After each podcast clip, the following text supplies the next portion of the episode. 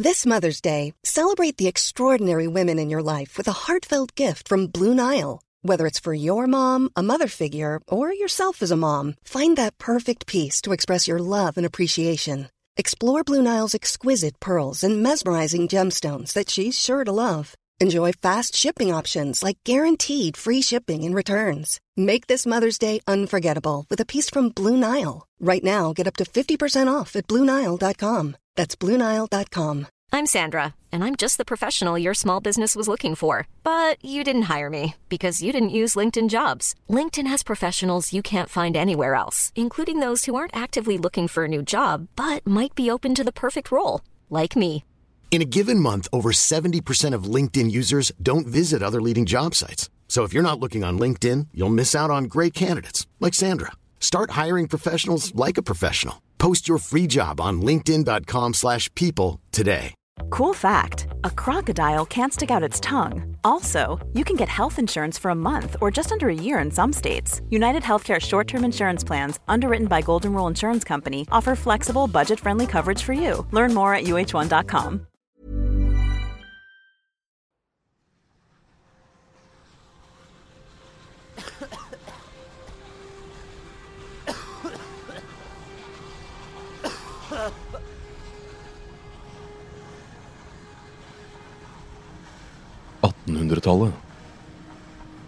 En mørk og skitten tilværelse ventet beboerne av London.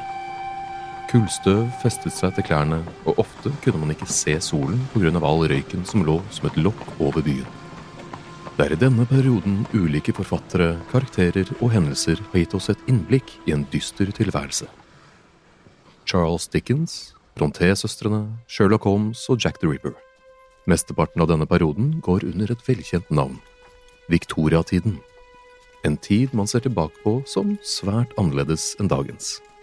Ikke bare var det veldig store klasse- og kjønnsskiller, men det å være prippen og snerpete ble omtrent til en nasjonal konkurranse. Høye moralske standarder ble standard. Man skulle være anstendig, gudfryktig og ikke snakke om ting som på noen som helst måte kunne tolkes til noe seksuelt.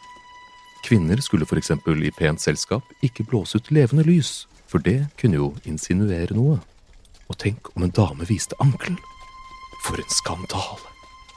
Og med det i bakhodet er det litt morsomt å tenke på at denne tiden også går under et annet navn. The Great Binge. På norsk Den store fråtsingen. Og det er ikke mat vi snakker om her. Det er narkotika. Og like britisk som Victoria-tiden startet alt med te. Det er ingen hemmelighet at britene konsumerer vanvittige mengder med te. Og det har de gjort i mange hundre år. Tilbake på 1700-tallet falt britene pladask for teen de lagde i Kina. Og ved 1720-tallet dominerte britisk sølv for kinesisk te handelen. 30 år senere, i 1750, hadde den blitt britenes nasjonaldrikk. Ved overgangen til 1800-tallet begynte denne handelen å stresse det britiske imperiet. Ikke teen, altså, men måten handelen foregikk på. For de var vant til å importere råvarer billig, foredle dem selv, for så å selge det dyrt. God gammeldags imperialisme og kolonialisme. Men kineserne ønsket ikke foredlede varer i bytte, bare penger. De sa de ikke hadde noe behov for hva enn rare ting britene kom med. Kina var et stort land og var selvforsynt. Og da fikk britene en idé. Opiumsvalmuen vokste fint og godt i Afghanistan og Pakistan, som England selvsagt hadde lagt under seg tidligere. Og de hadde sett og forstått hvordan dette kunne brukes som rusmiddel. Så da begynte de å eksportere opium fra koloniene sine til Kina, i bytte mot te. Opium var ikke ukjent i Kina, det hadde sin bruk der òg, men med skip fullastet med opium falt både prisene og terskelen for å bruke det. Mellom 1821 og 1837 femdoblet bruken seg, og opium hadde blitt et stort problem. Den kinesiske keiseren utnevner da en av sine undersåtter til å sette en stopper for kaoset. Det første vedkommende gjør, er å sende et brev til dronning Victoria i et forsøk på å få henne til å se det dypt umoralske ved å ødelegge så mange menneskers liv med rus. Han skriver Kina gir britene masse. Te, silke, porselen og krydder. Men det eneste dere gir tilbake, er gift. Et drap på en person gir dødsdom. Så bare tenk på hvor mange mennesker opium har drept. Derfor vil enhver handelsmann som bringer opium inn i vårt land, nå få dødsstraff.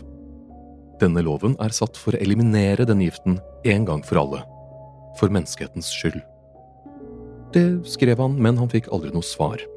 Så forsøkte han å overtale de europeiske kjøpmennene til å overgi opiumen sin til staten, mot at de fikk masse te. Det var jo te de var der for, så. Men det sa de nei til. Så da hadde han ikke så veldig mange andre valg enn å anbefale keiseren til å gjøre import av opium ulovlig. 1700 kinesiske opiumforhandlere ble arrestert, og 1200 tonn med opium ble beslaglagt og ødelagt. Og her gikk Kina på en aldri så liten blemme. For det er mye du kan kødde med britene om, selv den dag i dag, men ikke te. Og det var også tilfellet på 1800-tallet. Det britiske imperiet gikk derfor til angrep på Kina. Nesten tre år etter ga kineserne opp.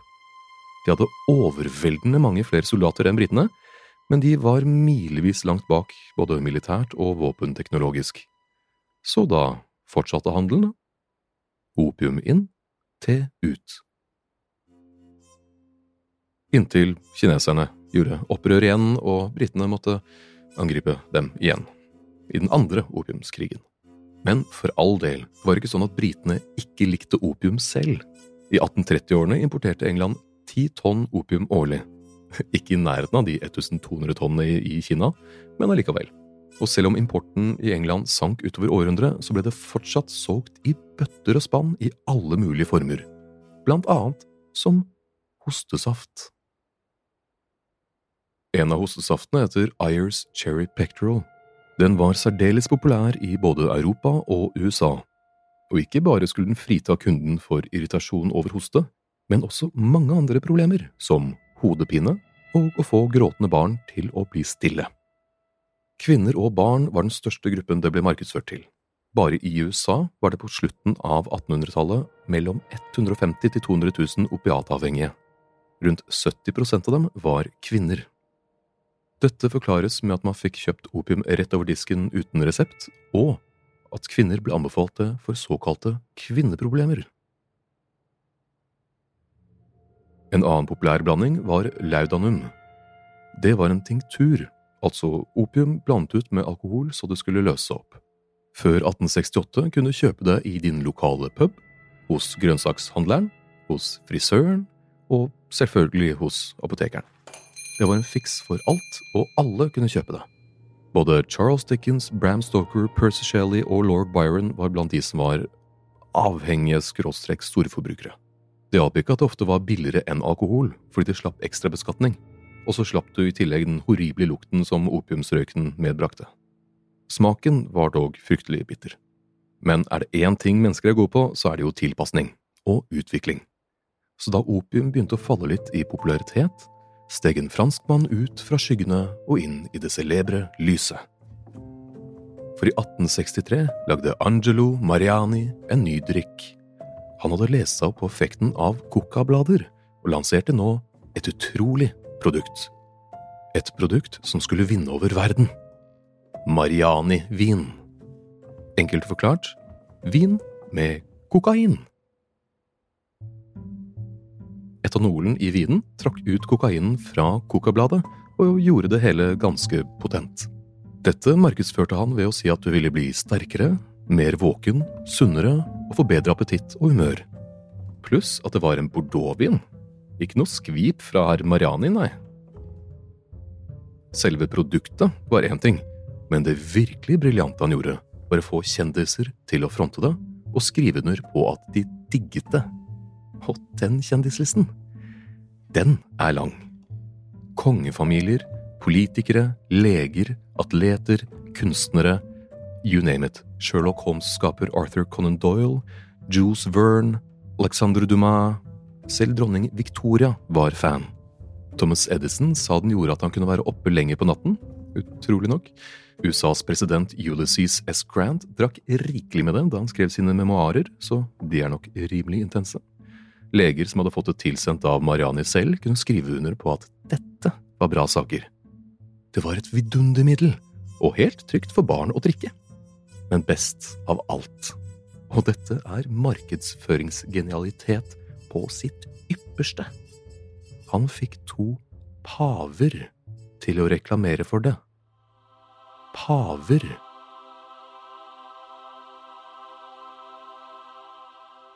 Både pave Leo den 13. og senere pave Sankt Pius den 10.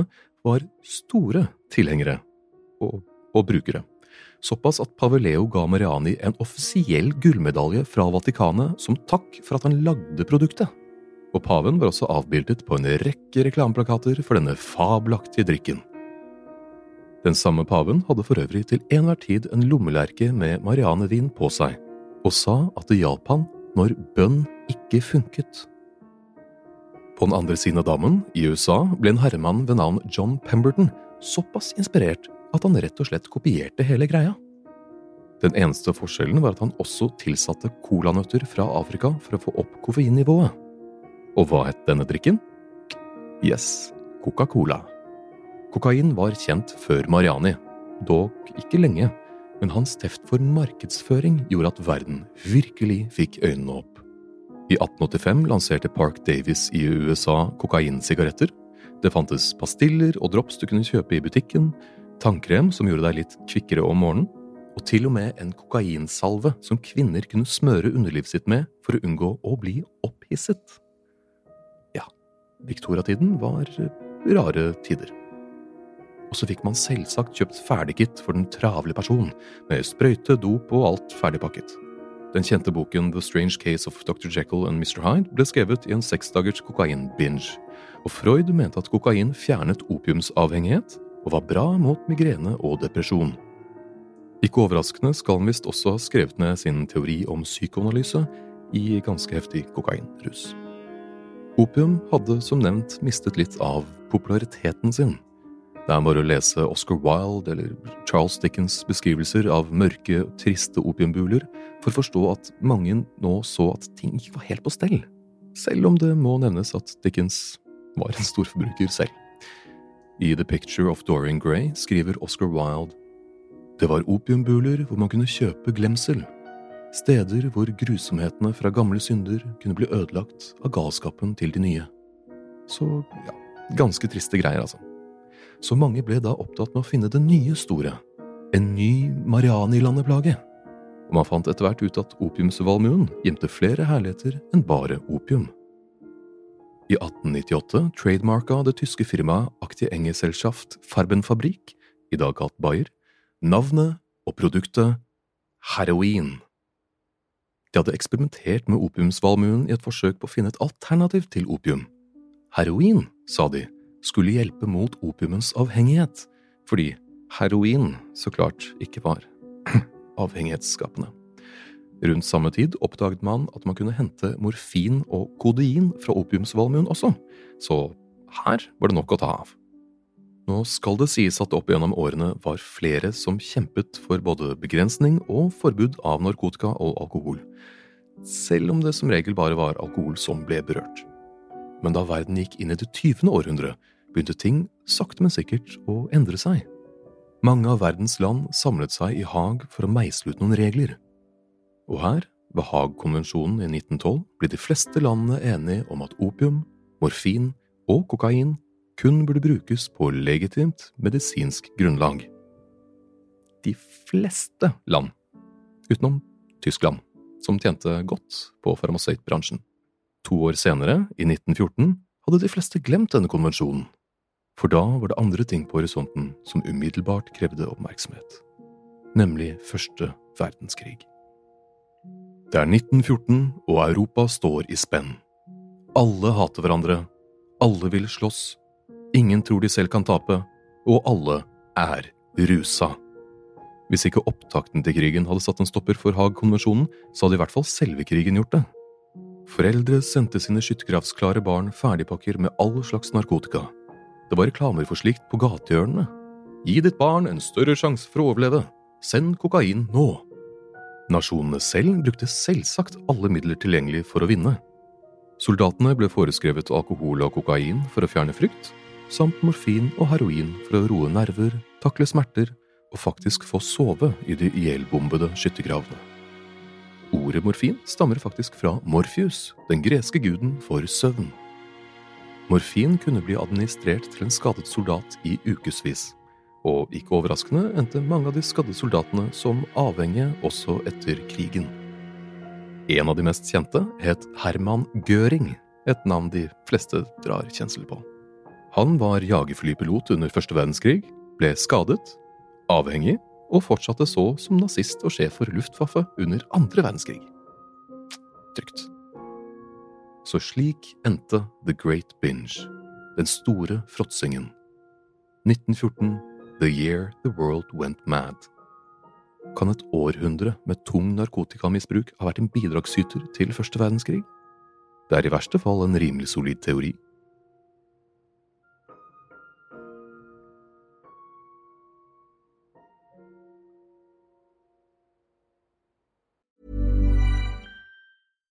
Mom deserves the best, and there's no better place to shop for Mother's Day than Whole Foods Market. They're your destination for unbeatable savings, from premium gifts to show-stopping flowers and irresistible desserts. Start by saving 33% with Prime on all body care and candles. Then get a 15-stem bunch of tulips for just $9.99 each with Prime. Round out Mom's menu with festive rosé, irresistible berry chantilly cake, and more special treats. Come celebrate Mother's Day at Whole Foods Market.